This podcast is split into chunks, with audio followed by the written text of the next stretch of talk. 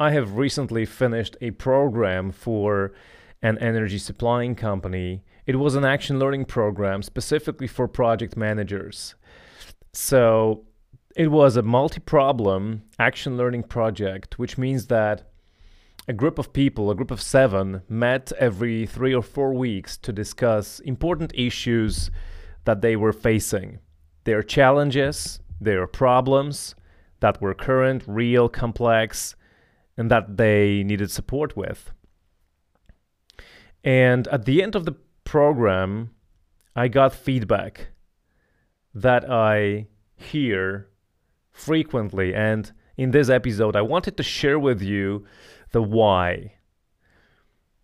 Not really tips for doing team coaching, facilitation, or action learning, as I often try to do in these episodes and in other forms of my uh, of the content that I create.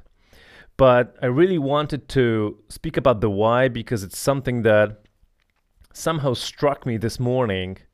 I can't even remember why. Like I, I can't even remember the context of of this thought, but it was very clear to me.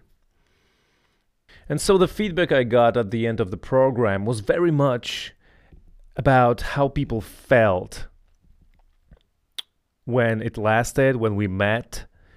Um, not only about the business benefits, the solutions that the group came up with, but they were speaking about how important it was for them to meet regularly with a group of people who were ready to support, who were curious of them who were interested in their problems, their challenges, and a group of people who were ready to help. And that relates to me very much to uh, something that in psychology is called recognition hunger. So, recognition hunger is a term coined by Eric Berne, the person who initially developed transactional analysis. And Berne strongly believed that it is crucial for people and for their health and wellness to constantly get something he called strokes, which means any signs from other people that we as human beings matter. Signs that tell us that other people recognize our existence. Anything can be a stroke. Uh, a nodding head may be a stroke.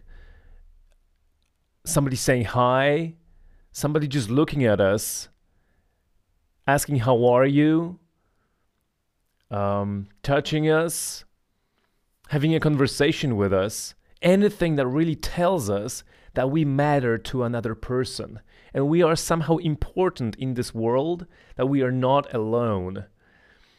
And he even wrote in his book, uh, Games People Play, about how infants need care. And later he compared that need to how adults also need care obviously in a different form, but adults and generally human beings at any age need to feel that they matter to another person and they are recognized. That's why probably we feel somehow weird and strange when we are alone in a corridor, like in a company, and a person passes by us without a word, without even looking at us, without even n- recognizing our existence. That feels awkward. That feels uneasy. That feels a little bit strange because it appears that that person is not even noticing us and we're not at all important to that person. We don't even matter in any way. And so apparently, people do need recognition and they do need those strokes. And we just need them constantly for our survival and for our, our wellness and health, both mental health and our physical health. And so, this is why I think it's so important for people to be able to get these um, strokes, these signs of recognition. It also relates to me very much to what Carl Rogers said. If you're familiar with Carl Rogers, he was one of the founders of um, humanistic psychology. And I do not have the exact quote right now in front of my eyes, but Rogers once said that to to be to be heard, to feel accepted, and to be aware that another person is just hearing us without judgment, without taking responsibility for our feelings, that's a bloody good feeling. It's bloody good to feel something like that, to be accepted and to not have to censor words all the time when we speak to another person. So next time around, when people from the human resource department or or training and development department, when they ask you what's the value in action learning, among many values that you can point out uh, regarding business results, solutions, improving teamwork, relationships in teams and between teams, leadership development, and so on and so on, you can also point out this fact that people in general need to be heard and recognized and need to feel that they matter to other people and that they are important. Very often in organizations, yes, they get these signs of recognition on a superficial level. When they take a break and they drink coffee with other people during lunchtime, during meetings, when they, their ideas are heard, but they do not get these these strokes, these signs of recognition on a deeper level, on a level that really connects them with other people in the organization. And if you think about it, if you think about why people really want to work in this organization and not the other, oftentimes it's people, it's relationships. Yes, money is important, we know that, but we also know it's it's not crucial. It's not the key to where people stay for long. And action learning groups, to those people who want, of course, we don't want anybody to be forced and participate in a group like that if they don't want to. But they give an opportunity for people to come and be vulnerable. And in a safe, confidential atmosphere, they can talk about their challenges. And they don't have to be very personal challenges. Usually they are work related challenges. It's just very often work related challenges bring stress, bring anxiety, bring discomfort that is often not talked about, not discussed, not released. Here in such groups, they can say, Hey, I have this challenge, I have this dilemma, I don't know what to do here. And often, not only at the end of the program, but after right after your sessions or right after their piece in a session, they will say, Thanks, guys. It was amazing to be heard. I have just noticed I'm not alone with such a problem in this company. Now I don't feel abnormal. I know other people have similar, um, similar uh, problems, similar challenges.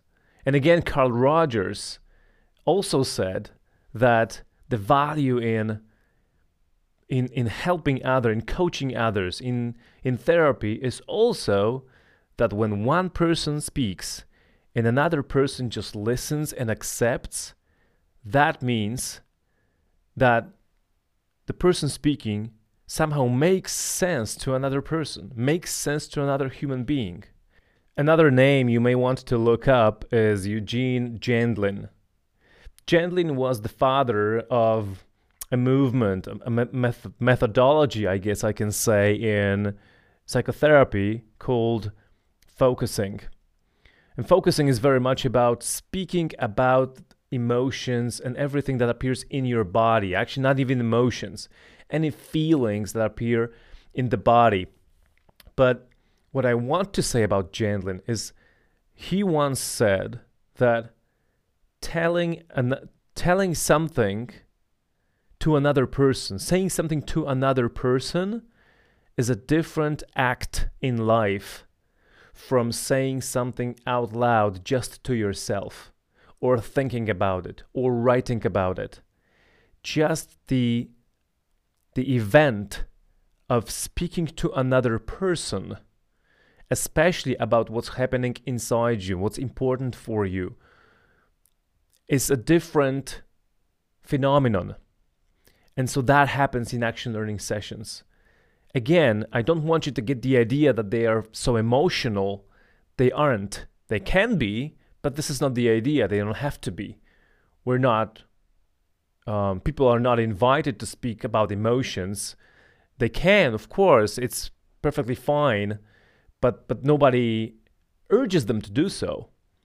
It's just they have an opportunity to, fee- to share something that is important for them in a particular moment and that's often work related. And not only do they get solutions to their problems, but they have this chance to open up, to be vulnerable, and to get support from other people, get recognitions, get strokes that really allow them to connect with those people in the group and and they allow them to feel more connected with the community in the organization.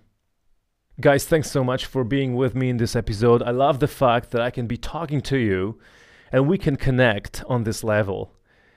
I I don't know you probably. Well, I may know you, but I also may not know you as the person who is listening to this podcast right now. But I'm imagining people who I'm talking to right now, and it's amazing that we can get connected also on this level. It's also a sign of recognition for me that you're listening to this podcast. Have a great day, have a great afternoon or evening or night, depending on when you're listening to this podcast. And I will talk to you in another episode very soon. Take good care of yourself. Bye now.